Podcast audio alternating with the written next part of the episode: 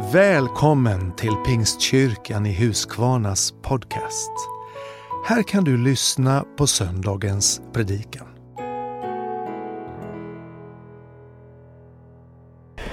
Men då vill jag hälsa er alla varmt välkomna till eh, dagens bibelstudie, eller rättare sagt bibelsamtal som eh, jag, Bo-Göran Läckström, pastor i Pingstkyrkan i Huskvarna, ska ha tillsammans med Johan Eriksson, också pastor i Pingstkyrkan i Huskvarna. Exakt. Och du har varit där i, i några år? Ja, precis. Jag har varit pastor här i sju år. Sju år ja. Hur länge har du varit? Ja, jag har varit här i tre månader. Tre månader, den stora föreståndaren här nu då. Precis, så är det tänkt. Ja, härligt. Nej, men Det det, känns roligt. jätteroligt. Och det är ju så Johan att du och jag ska ju hålla ett litet bibelsamtal här nu. Mm. Och eh, det är ju så att vi har ju nu varje vecka inte hållit bibelsamtal men vi har ju kört närradio i, i Huskvarna närradion. Precis, varje onsdag eh, har vi gjort det. Ja. Den senaste tiden. Det har varit väldigt kul. Tycker ju i varje fall, eller det känns som vi tycker det och vi hoppas att de som lyssnar också tycker att det är Ja, och, och när vi nu stod inför att eh, vi skulle ha ett bibelstudium den här veckan så sa vi varför inte mötas och ha ett bibelsamtal eh, istället för att någon av oss liksom håller ett långt bibelstudium. Tänker att det kanske kan passa er lyssnare också bra. Vi testar i alla fall idag. Mm. Det ska bli spännande och idag tänkte vi samtala lite om församlingen. Detta Ja. stora, breda, kraftfulla ämne liksom där på något sätt allt ryms. Allt och lite till ryms i, ryms i församlingen. Eh, Så vi tänkte grotta ner oss lite i det och kanske pressa varandra på en och annan fråga i detta. Mm, det ska bli spännande. Men du, om du bara går till dig själv Johan, vad är liksom ditt förhållande till, till församlingen? Ja, mitt förhållande till församlingen. Du, du skickar på en fråga direkt sådär. Men jag tänker att församlingen är otroligt viktig för mig. Både för mig och min familj så har den blivit eh, otroligt viktig. Det är ju inte bara, det är klart att nu jobbar man ju också i församlingen så den blir ju väldigt central på det sättet. Men eh, genom tidigare år och de senaste åren har man verkligen fått lära sig att man är så beroende av församlingen. Eh, I alla lägen. Både i, tuffa lägen och i de här lägena det är helt underbart så känner man ändå att man vill vara församlingen nära. Mm, Eh, Jag har ju en sån här sug att gå till kyrkan varje söndag. Mm. Eh, Så det är gott. Mm. Härligt. Själv då, hur känner du? Nej, men eh, jag delar ju den, eh, den känslan. Sen har jag de, senaste åren så har den här eh, tanken, eller tanken är det inte, men, men liksom faktumet att det faktiskt är Guds församling Mm. växt sig starkare och starkare hos mig. Alltså medvetenheten om det och kapitulationen inför det eller, eller eh, respekten för liksom församlingen som funktion och som enhet. Att det är inte min församling eller din församling eller vår församling. Eller att vi kan göra vad som helst med församling. För det är faktiskt i grund och botten Guds församling. Vilket också ger en del vila i min roll som pastor. Att jag är ansvarig men jag är underställd Gud för det är i, i grund och botten hans församling. Och Det perspektivet har varit viktigt. Man har jobbat mycket med, som jag vet att du också har gjort, med utveckling av församlingen och man försöker hitta sättet att vara församling i vår tid. Så kan man ibland tappa bort sig i detta att eh, liksom, vi ska förnya, vi ska utveckla, vi ska jobba med liksom, formerna. Men vad är församlingen i grund och botten och vilka saker i församlingen är ej förhandlingsbara om man säger så. Då. Eh, och där, där har det liksom vuxit sig starkare hos mig att, att det faktiskt är, det är, det är Guds församling. Mm. I slutändan är det han som har ansvar. Jag kan ju ibland ligga på nätterna och tänka på ledarfrågor och andra saker. Och, men så får jag liksom överlämna det till Gud och, och inse att ja, men det är faktiskt hans församling. Men har det gjort något mer, liksom, har det blivit något konkret? Alltså det är ju lätt att tänka på det. Du och jag som pastor kanske tänker en hel del på församlingen. Mm. Men leder det till något konkret liksom, sätt att utföra ditt arbete som, Mm. som herde i församlingen? Jag tror att det kanske är lite för mig som person. Jag är, har ett litet kontroll, eller ganska stort kontrollbehov eh, som många av oss pastorer har. och, eh, och jag har satt genom åren, eh, fast jag kanske inte riktigt eh, vill, vill erkänna det eller har erkänt det under tiden, så har jag ändå sagt, satt väldigt stor tillit till mig själv, mina egna gåvor, till människors gåvor liksom för att få församlingen att fungera. Det konkreta är väl att det, det, jag, jag, jag på något sätt i ännu högre grad och på ett ännu tydligare sätt får överlämna perspektiven till Gud. Mm. Att någonstans är det han som, som, eh, som har det yttersta ansvaret och det är liksom hans vilja i detta som jag behöver söka. Det kan ju låta som självklarheter och, och, och som vi alla egentligen vet. Men det är, vet, det är någonting med kunskapen och när det också landar både i hjärtat och erfarenheten. Och det där kan ta sin tid och för mig har det blivit, det har funnits alltid, men det har blivit ett starkare perspektiv. Tror du man känner så övrigt också om man säger så, nu är vi pastorer, men tror man kan känna så som medlem också liksom att få känna att ja, men jag går till Guds församling. Mm. Det är både min församling, jag är medlem, jag är i mitt tionde, jag är Mm. liksom engagerad men ändå får man liksom så att man ändå liksom överlämnar allt det här ändå i Guds församling. Jag tror man skulle behöva göra det betydligt mer. För jag tänker ibland är vi väldigt snabba att recensera eh, församlingen, ledarna. Eh, Och jag menar att det ska vara högt i tak, det ska vara transparens, vi ska kunna ta- stå till svars för det vi gör. Men jag kan ibland skönja en viss eh, liksom recenserande eh, kultur. Att vi, vi bedömer pastorerna, deras predikningar, gudstjänsterna, sången och musiken och allting som om det är någon slags ås, någonting vi åskådar. Eh, jag, jag känner att vi, vi skulle behöva eh, i högre grad som medlemmar förstå att vi är en del utav Kristi kropp. Alltså vi, är, vi, är, vi, är, vi är ofrånkomligt infogade i varandra och därför så måste vi hantera, vi kan inte bara recensera varandra utan vi måste också uppmuntra, förstå att vi, vi hör ihop och anta de utmaningarna som det är.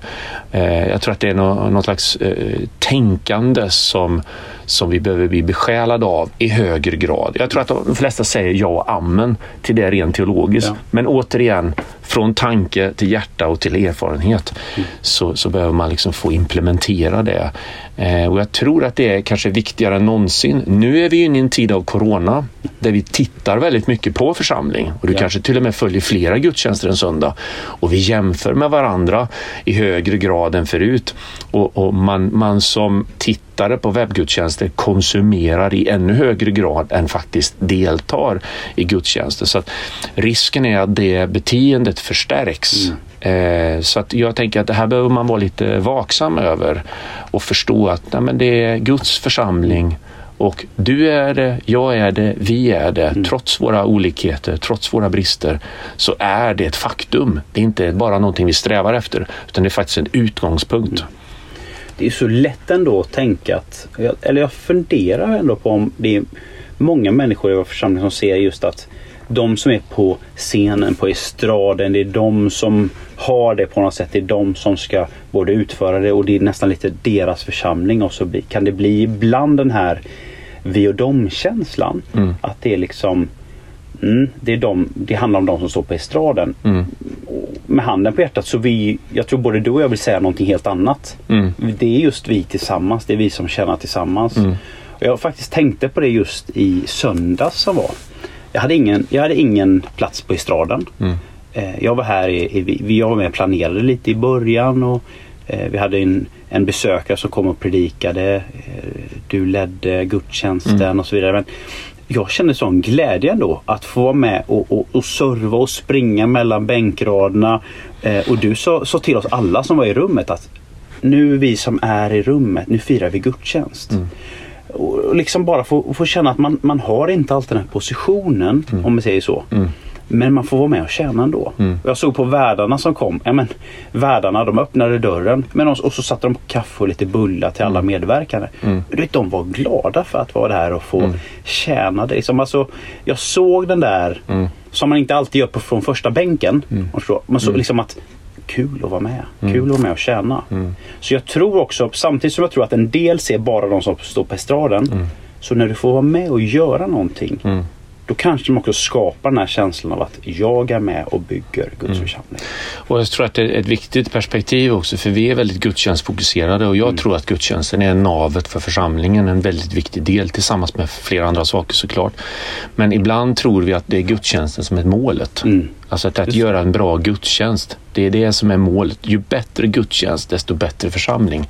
Men gudstjänsten är ett medel mm. mer än målet skulle jag vilja säga. Alltså att vi, det, det är ju till för att ge oss råg i ryggen, stärka oss, kitta ihop gemenskapen, kanske klippa av en och annan torr gren, eh, men framförallt få församling i funktion. Och vårt uppdrag, det är det Jesus har gett oss. Vi ska gå ut i hela världen, göra alla folk, alla folk till lärjungar.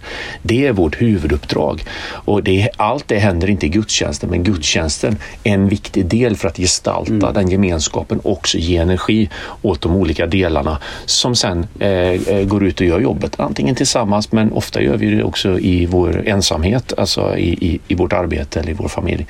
Men, men i gudstjänsten, i mötet med andra människor så får vi den energin och den kraften och känner den samhörigheten som blir så viktig för att få både uppmuntran och, eh, och kraft till vardagen. Mm. Men hur bygger man den där goda gemenskapen då så att man känner den? För jag tror ändå det är viktigt att det kanske är bara jag, men jag, jag tänker så. Jag skulle väl ändå vilja känna att man hör ihop med någon. Mm. Alltså för mig så är församlingar gemenskap, att mm. höra ihop. Det är mm. vi tillsammans som gör någonting. Sen har vi mm. olika roller, vi har mm. olika mm. gåvor, vi är skapta på olika sätt. Hur bygger man ihop? Alltså du sa först att gudstjänsten det är liksom på något sätt lite av navet. Alltså det, mm. det håller ihop och vi samlas och sådär. Men hur bygger man ihop gemenskapen mm. i en församling? Nej, men eh, jag tror att man, man, eh, man måste vara överens om uppdraget.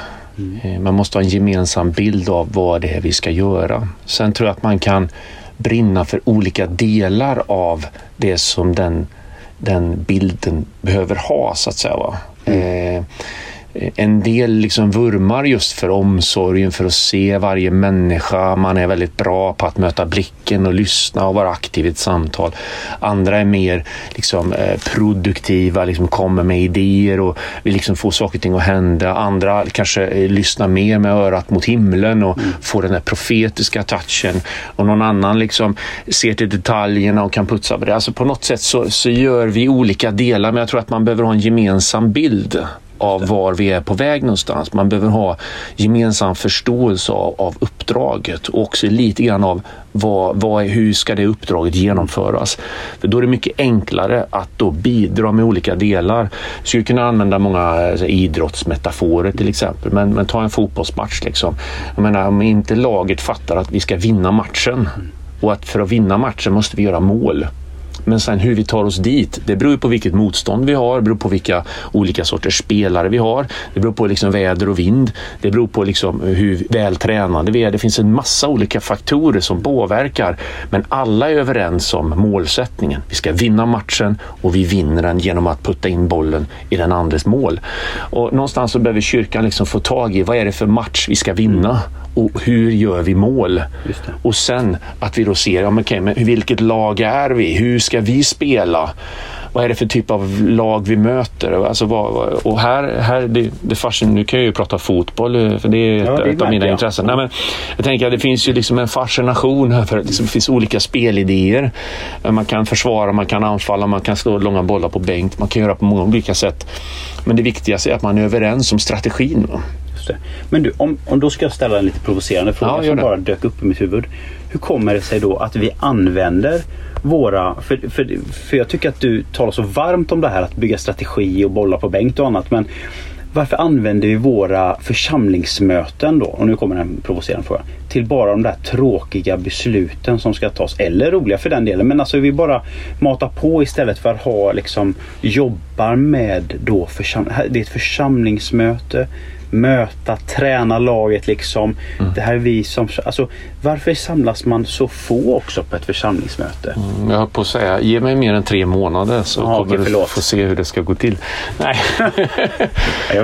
skämt åsido. Men det, är ju, och det, det här är ju, om man säger så här, det här det akutas företräde, brandkårsutryckningarna. Brinner det så måste vi släcka elden.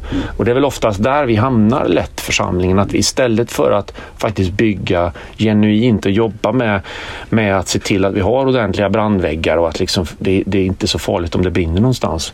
Så är det så att det, det, vi, har, vi har alldeles för dåliga strukturer i botten och därför så måste vi alltid jobba med problemen. Nu säger jag inte att, att det alltid är problem i ett församlingsmöte, men jag menar att det finns då liksom ett, ett föreningstänk som på något sätt få företräde för de här sakerna måste göras. Och så kan det vara när man jobbar i en ledning också. Det finns saker och ting som, som är viktiga akut och de är administrativa, de har med ekonomi att göra och då liksom hamnar de alltid först och sen det där andra, det känns som att det är lite mjukare. Det kan man ta lite när det blir, men egentligen borde vi jobba lika aktivt med båda delarna för att eh, vi måste ta ansvar för det som är akut här och nu.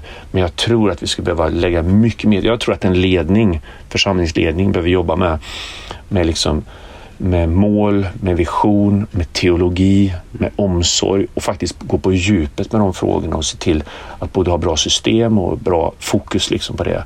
Och sen behöver man också jobba med, med de mer hårda frågorna som inte oandliga men som som på något sätt blir en, en konsekvens utav det där arbetet man gör i grund och botten. Just det. det är ju någonting att fundera på och tänka på. Ja. Och jag vet inte, ska vi kasta oss in ja, i någon av eh, bibelord och ja. lite teologi själva här? Kan inte du börja Johan? Eh, vi, har ju, vi har ju faktiskt några punkter här på ett papper. Ja. Och, och, du tänkte ju ta oss till Matteus evangeliet. Ja, det var det första som slog mig faktiskt när vi skulle tala om församling. Eh, det är från Matteus evangeliet 16 när eh, Petrus svarar på Jesu fråga om, om vem han är. Eh, och när, när Simon Petrus svarade så här. Du är Messias, den levande Gudens son. Och efter det så, så börjar ju Jesus tala till honom. Men, men jag är så fascinerad av den här bekännelsen som Petrus gör. Mm. Han har gått länge med Jesus. Mm. I varje fall så tycks det vara så mm. kapitelmässigt i, mm. i Matteus evangeliet. så har han gått ett tag med Jesus. Mm. Så han, liksom har, han har fått se under och tecken och allting. Och så, mm. så får han ändå den här konkreta frågan. Mm. Vem säger ni att jag är? Och Peter svarar då som sagt, du är Messias, den levande Gudens son. Och jag läser mm. vidare från vers 17. Så, så här. Då sade Jesus till honom, salig är du Simon, ba, eh, baron, bar, Bariona. Bariona. Tack för hjälpen. Varsågod. Det var länge sedan den. Tingen av kött och blod har uppenbarat detta för dig, utan min fader i himlen. Och vers 18. Och jag säger dig att du Petrus, klippan, och på den klippa ska jag bygga min kyrka. Och dödsrikets portar ska aldrig få makt över den. Jag ska ge dig nycklarna till himmelriket. Alltså mm. de där orden liksom att helt plötsligt från bekännelsen. Mm. Han har levt med Jesus och helt plötsligt så bara talar han ut att du är, den, du är Messias, den levande mm. Gudens mm. son. Mm. Och sen så att, att Jesus vill bygga sin församling på honom. Mm. Men du, jag tänker på just det där. Eh, jag har fått den frågan någon gång. Det skulle vara intressant att höra mm. dig reflektera över det. Eh, detta alltså, vad menar Jesus här?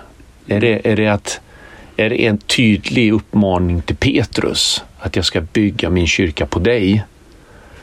Eller, eller är det den bekännelse som Petrus bär? Eh, vad, vad, tänker du kring det? Jag tror att det är mycket kring den bekännelsen. Ja. För, som vi alla, alla vi som kristna bär ju på den där bekännelsen. Vi har fått liksom säga den, vi har fått tala ut den på olika sätt i olika delar av livet. Jag tänker att vi har fått göra det oavsett om vi har levt ett så att säga ett syndigt liv innan eller om vi alltid har varit frälsta eller vi vet, alltid har känt Jesus. Så vi någon gång har fått vi göra den där bekännelsen. Och det är på något sätt som när den här bekännelsen, jag bara ser det framför mig, som den landar i mitt hjärta, när den landar i mitt liv. Mm. Då vill Jesus också ge ansvar till mig. Mm. Han vill ge ansvar till oavsett vad jag har gått igenom tidigare. Oavsett vad jag har kämpat med. Oavsett vad jag liksom har i mitt innersta. Mm. Så när jag ger bekännelsen så säger han sådär klart och enkelt. Salig är du mm. till Petrus och, och jag vill bygga min kyrka på dig. Mm. Liksom att man, man blir en klippa. Vi, du, åter, du sa det här med uppdraget. Vi har mm. fått uppdraget att gå ut med evangeliet till alla mm. människor. Det landar liksom på på mig som Mm. bekänner Mm. och att i det bygga kyrkan. Jag menar, jag är helt övertygad om att på något sätt så fanns det även hos Jesus att Petrus, han hade inte liksom, han kanske var svag på vissa områden. Vi ser ju Mm. det när, när, när Jesus går mot korset, hur Mm. han liksom förråder Jesus. Mm. Och så liksom landa tillbaka till detta efter uppståndelsen och Mm. Jesus bara svarar, Mm. eller frågar honom, älskar du mig Mm. Petrus? Och där igen får han bara, jag älskar, jag har dig kär. Liksom. Mm. Mm. Ja, men det där är ju faktiskt ett, det, Petrus är ju ett spännande eh, exempel. Mm. För när Jesus säger det, precis som du, du är inne på, så, så jag kan ju bara tänka mig hur han sträckte på sig, Petrus. Eh, men vi förstår ju att han var lite grann av en sån person, impulsiv, ville gärna vara nära Jesus. Ja, liksom en ledarstreber eh, på något sätt. Va? Ja. Och, och liksom hur han, när han hör detta, liksom, tänker wow, liksom, Jesus utväljer mig. Jag är den som han ska bygga på. Och så hittar han sig själv i det här läget där han faktiskt har förnekat Jesus tre gånger. Och han, det står att han går ut och gråter bittert. Vilken berg och dalbana från toppen liksom till på något sätt. Han tror att allting är kört. Va? Ja. Och det där är, tycker jag är ett spännande perspektiv också. Eh, nu säger jag perspektiv igen. Johan, du sa att du använder det ordet ofta, så du får påminna mig om det blir för många perspektiv Ja. i det här bibelsamtalet. Men, men jag tänker att det, det, ibland så kan vi se att, eller tro att vi blir diskvalificerade från gemenskapen. För att vi gör de där misstagen. Precis. Och på något sätt så det är ju kampen också Mm. som, som både du och jag får känna och alla andra med oss. Det är ju Mm. inte så att vi är några speciella heller utan vi är ju människor, både du och jag och alla andra precis som, som Petrus. Mm. Och jag, jag kan också identifiera mig med honom när han på det sättet förråder Jesus. För det, så kan det ju kännas när du liksom på något sätt Jesus ger dig mandat. Han ger dig liksom nycklarna. Liksom. Han, han, han vill bygga på dig och sen så går du och gör och tar fel val. Du gör, går i fel riktning. Det är klart man kan känna sig liksom att jag har svikit Jesus i detta. Mm. Men samtidigt så får man inte glömma att slå upp liksom kapitel 21 eller vad det är i, i Johannes där när, när, han, när Jesus möter Petrus. Och det ligger ju kvar här. Mm. Jag vill fortfarande bygga på dig. Mm. Men om du liksom älskar du mig. Mm. Eh, Paulus är ju på vägen liksom också är liksom i samma riktning. Men han, Mm. han vill verkligen ta vara på den här på något sätt. Han vill inte heller lämna när vi gör Jesus på något sätt, om vi tror då att vi gör Jesus besviken. Han vill inte Mm. heller riktigt lämna det att vi ska gå till rätta med oss själva. Mm. Vad tänker du om det? När, nu säger vi att vi, vi hoppar in i Korintierbrevet eller Mm, sånt där. Vad, mm. Liksom, församlingen är ny, Mm. den är startad, den är kraftfull, det händer mycket. Mm. Det, men det är lite berg och dalbana. Mm. Mm.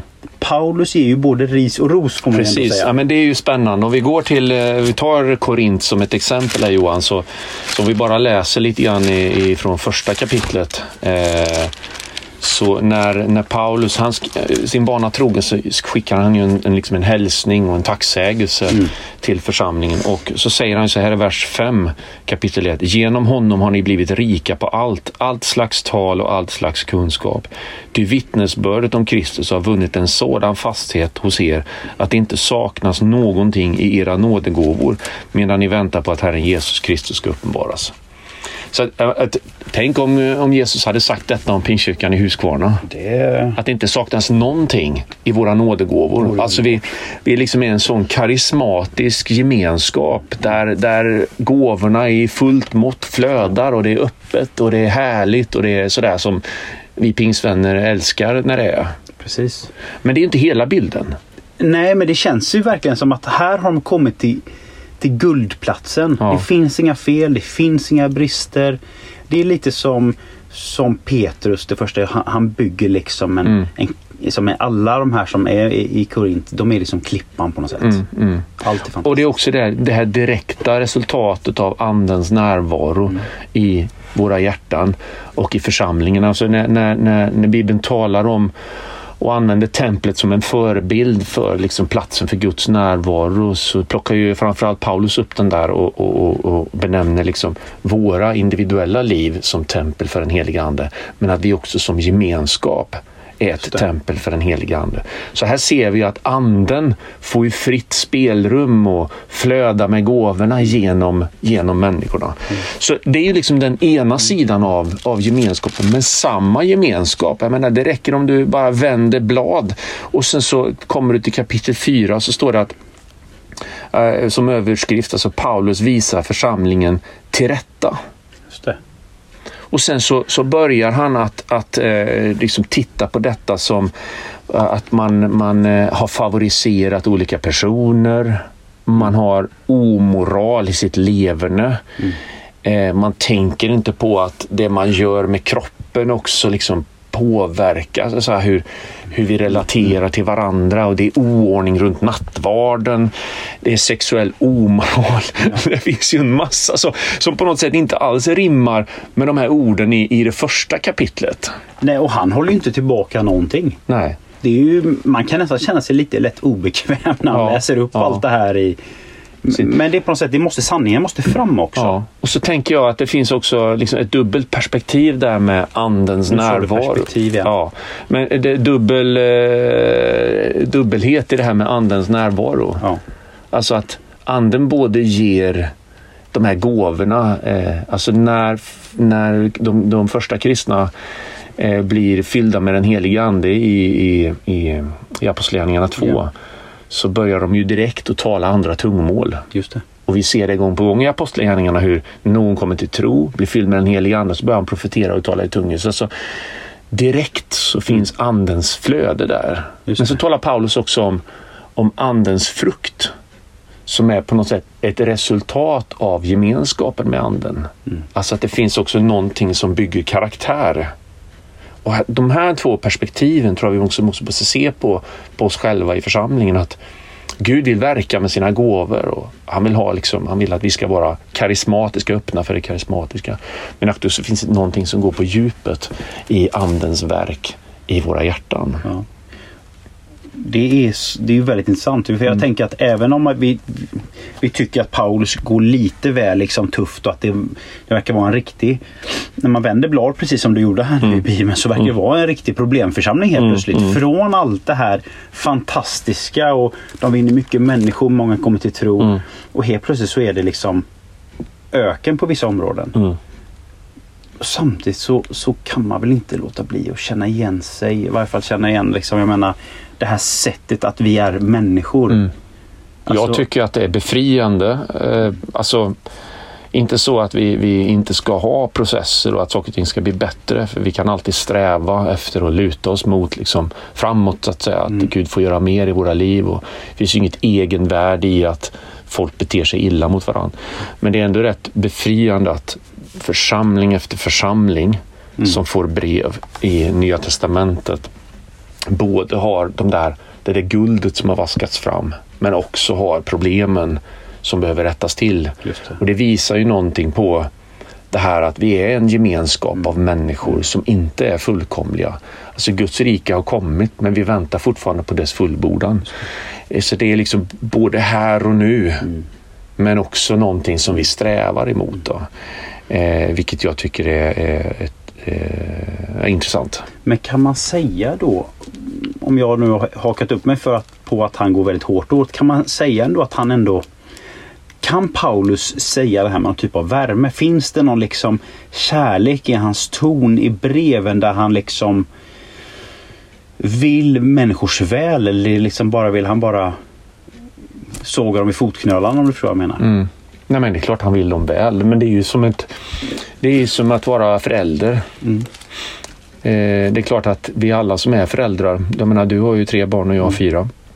Och vi vet ju mycket väl att, att eh, det är kärleken, det är omsorgen, det är att de känner att liksom, jag tycker om dem, att jag accepterar dem, att jag, jag, jag oavsett vad de gör.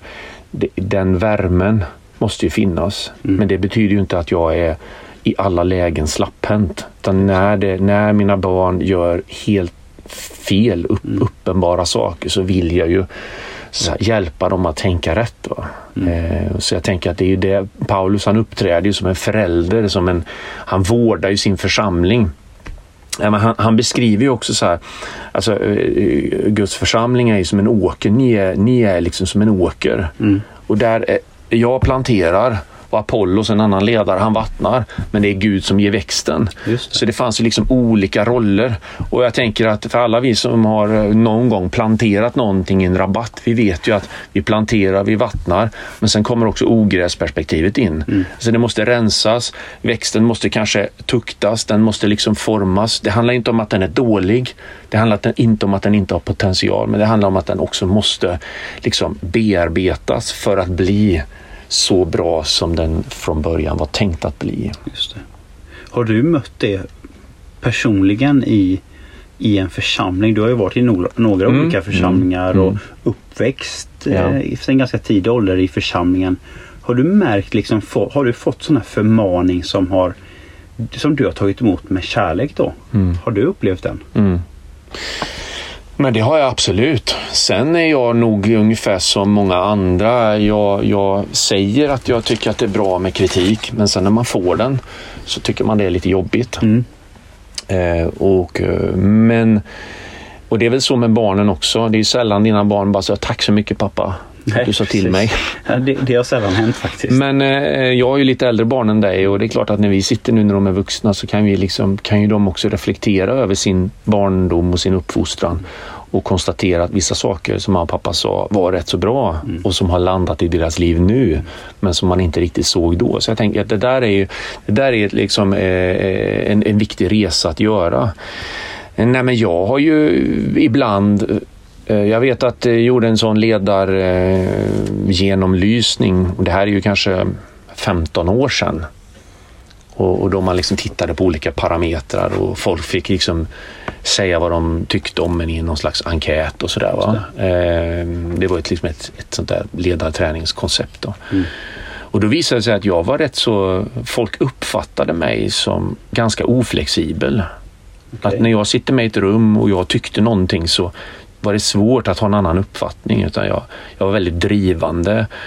Eh, och när jag tänker tillbaka det så kan jag eh, se det. Och jag såg det nog då också, men det var lite jobbigt. För jag uppfattade ju min, mitt sätt att göra det här på som att jag försökte liksom bara få saker och ting att hända. Och, men de andra upplevde att jag körde över dem.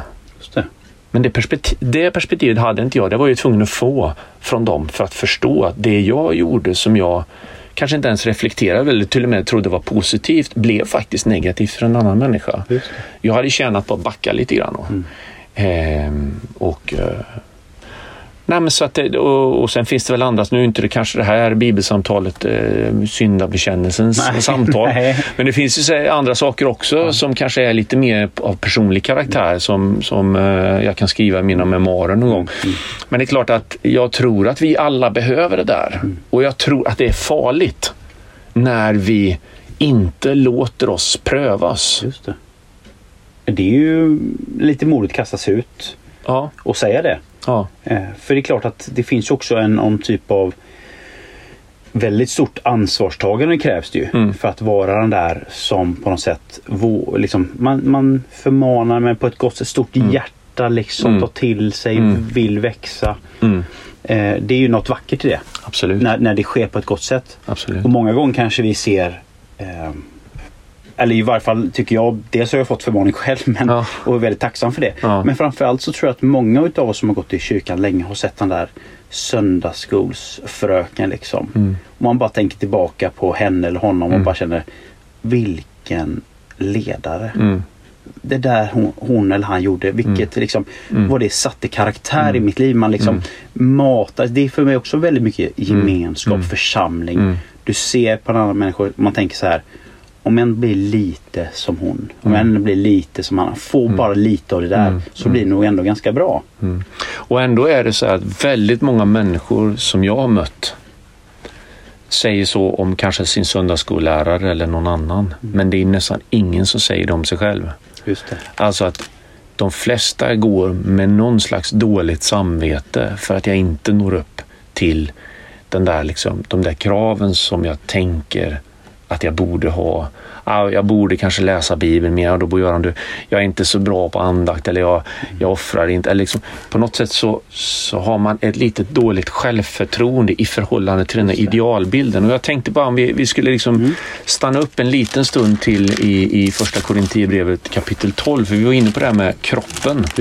Och jag tycker att Paulus han är, så, eh, han är så smart när han använder den här bilden och han drar ju också några perspektiv, mm. nu sa jag det igen, mm. från den här bilden som, eh, som jag tycker är viktiga. Så om vi går till eh, första Korinthierbrevet 12 och vers 12 och så kan jag läsa några verser där. Ja, så kan vi säga något om det. Ty liksom kroppen är en och har många delar och alla de många kroppsdelarna bildar en enda kropp, så är det också med Kristus. Med en och samma ande har vi alla döpts att höra till en och samma kropp, vare sig vi är judar eller greker, slavar eller fria. Och alla har vi fått en och samma ande att dricka. Kroppen består inte av en enda del utan av många. Om foten säger jag har ingen hand, jag hör inte till kroppen, så hör den ju lika fullt till kroppen. Om örat säger jag är inget öga så jag hör inte till kroppen, så hör det lika fullt till kroppen. Om hela kroppen var öga, vad blev det då av hörseln? Om allt var hörsel, vad blev det då av luktsinnet? Men nu har Gud gett varje enskild del just den plats i kroppen som han ville. Om allt sammans var en enda kroppsdel, vad blev det då av kroppen? Nu är det emellertid många delar men en enda kropp. Ögat kan inte säga till handen, jag behöver dig inte, och inte heller huvudet till fötterna, jag behöver er inte. Tvärtom, också de delar av kroppen som verkar svagast är nödvändiga. Och de delar av kroppen som vi inte tycker är fina, de gör vi så mycket finare. Och de delar vi skäms för omger vi med så mycket större anständighet. Något som de anständiga delarna inte behöver. Men när Gud satte samman kroppen lät han de ringare delarna bli särskilt ärade. För att det inte skulle uppstå splittring inom kroppen och för att alla delarna skulle visa varandra samma omsorg. Lider en kroppsdel så lider också alla de andra. Blir en del hedrad så gläder sig också alla de andra. Ni utgör Kristi kropp och är var för sig delar av den. Mm. Och här ligger ju liksom lite grann detta att nej, men jag borde vara lite mer som Johan. Just det. Vore jag lite mer som Johan så vore jag då, då, jag menar, då, tänk om jag vore lite mer som Johan. Sen tänker jag att det finns ju två saker här som man måste hålla i, i, i, i huvudet samtidigt. Dels är det att vi faktiskt behöver förebilder, någon att se upp till och någon att ta rygg på. Och att det är så, så uppmanar ju Paulus till exempel Timoteus att vara en förebild för de troende i allt du gör. Så det är ju ett perspektiv. Men det andra är ju att jag tror att jag måste vara som du. Just det. Och att det skapar ett mindervärdeskomplex i den jag själv är. Och det andra är ju att jag tänker att jag behöver inte dig. Alltså Johan är så jobbig mm. så han vill vi inte ha med. Mm. Eller de perspektiven, tänk att vi alltid måste höra detta. Eh, men kropp, alltså Kristi kropptanke gör ju att vi tvingas att tänka de här, eh, Kristi kroppkaka jag på att säga, men Kristi, alltså tanken om Kristi kropp gör ju att vi tvingas att se på varandra med det här perspektivet ja. att vi faktiskt som utgångspunkt hör ihop. Vi ska inte förenas. Vi är redan förenade ja. Och nu ska vi behålla den andliga enheten. Ja, det är väldigt bra. Eh, man är så tacksam för att Paulus målar upp det så att man förstår på något ja. sätt. Ja, men, Visst är det så. men, ja, men det, han gör det lite enklare för oss ibland. Ja, så är det. Att, att säga det med många ord så att man verkligen, det går in. Mm. Att vi kan inte bara säga till varandra, du behövs inte. Nej. Alla behövs. Ja. Alla har en plats liksom. Mm. Och så tänker jag det som står i vers 24 där, men när Gud satte samman kroppen, där kommer det här igen. Mm. Alltså det är Gud som sätter samman kroppen. Mm. Ibland så frestas man att tänka sig att vi kanske skulle göra en, en kyrka för en specifik kultur och vi vänder oss till en sorts människa och så vidare. Men eh, det där behöver man ändå fundera lite på. Mm. För vem är det som sätter samman kroppen? Är det jag? Och vi och våra visioner och våra, våra kulturtankar eller är det Gud själv? Och hur ska vi liksom förhålla oss till de två eh, delarna? Och där är du tillbaka på det liksom, där du började också. Mm. det är Guds församling. Mm. Alltså det är Guds kropp. Mm. Han har förenat oss. Mm. Samtidigt har ju vi lite att modellera. Mm. Alla vi som, som tillhör en församling har ju lite att modellera. Mm. Både med vår egen självkänsla, vår egen tro men också hur vi ser på andra människor. Och jag, innan jag ska, vi skulle också vilja läsa ett bibelord från, Mm. från eh, Efesierbrevet 3. Mm. Så vill jag ändå säga att just den där delen att Paulus talar om detta. Han har förmanat, han har sagt till, han har varit ganska sträng på vissa områden. Mm. Så vill han inte att någon ska lämna. Nej. Utan jag tänker att det här skapar ett uttryck för, för värme också. Mm. Alltså, vad säger så här, du har gjort fel nu men, men kom och gör rätt. Mm. Det är som, Paul, eller som Jesus säger till Petrus också. Du, det blir ju tokigt det där. Mm. Det blir ju fel. Mm. Älskar du mig så fortsätt följ mig. Mm. Liksom. Mm. Alltså hela tiden eh, ta tillbaka. Mm. Alltså hela tiden fram och tillbaka på det sättet. Mm. Och det, det, det, känns, det värmer ju mitt hjärta i varje fall. Mm, ja, verkligen. verkligen. Jag skulle vilja läsa från, eh, och vi kanske alldeles strax ska avsluta. Ja, vi ska nog gå ner för landning nu Ja. lite. Om, om jag tar några verser från Efesierbrevet 3. Eh, så står det så här. Och det är Paulus igen som säger det. Därför vill jag falla på knä för Fadern efter vilken allt vad Fadern heter i himlen och på jorden har sitt namn. Måtte han i sin härlighets rikedom ge kraft och styrka åt er inre människa genom sin ande så att Kristus genom tron kan bo i era hjärtan med kärlek. Och det, han säger ju det här till församlingen liksom. Mm. Stå fasta och var st- stadigt rotade i honom. Så att ni tillsammans med alla de heliga förmår fatta bredden, längden, höjden och djupet och lära känna Kristi kärlek som är väldigare än all kunskap tills hela Guds fullhet uppfyller er.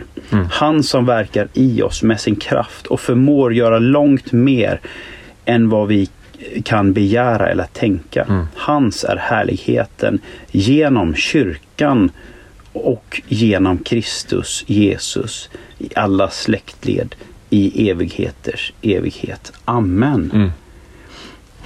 Paulus går ner på knä Mm. för att be på något sätt för, för församlingen, Mm. för kyrkan.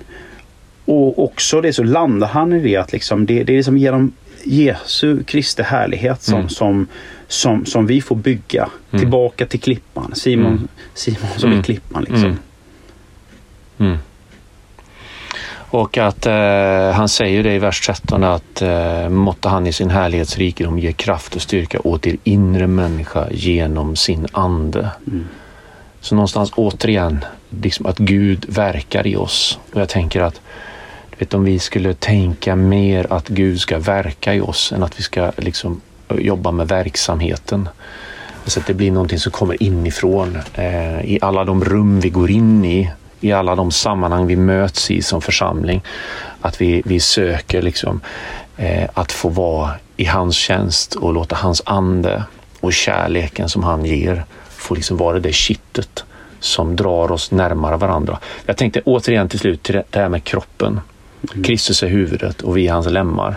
Och vi, vi har ju alla en kropp, så vi vet ju när kroppen är i funktion, när den fungerar, vad man kan utföra med kroppen. Vilka stora stenar vi kan lyfta. Vilka, vilka resor vi kan göra, långa vandringar vi kan göra. Hur mycket vi kan åstadkomma om kroppen är i funktion. Men om den är halt och lytt eller liksom om den, stora delar av kroppen inte är i funktion, ja, då blir det en väldigt begränsad uppgift som kroppen kan utföra. Så måtte Gud fylla oss med sin ande så att vi kan förstå både vem han är men också utföra hans uppdrag. Tack för det här givande samtalet Björn. Ja, men tack själv Johan. Eh, känns gott. Ja, Och vi önskar er alla som har lyssnat Gud, Guds välsignelse. det gör vi. Hej då! Vill du komma i kontakt med kyrkan så besök vår hemsida www.huskvarna.pingst.se eller besök oss på Tegnérgatan 3.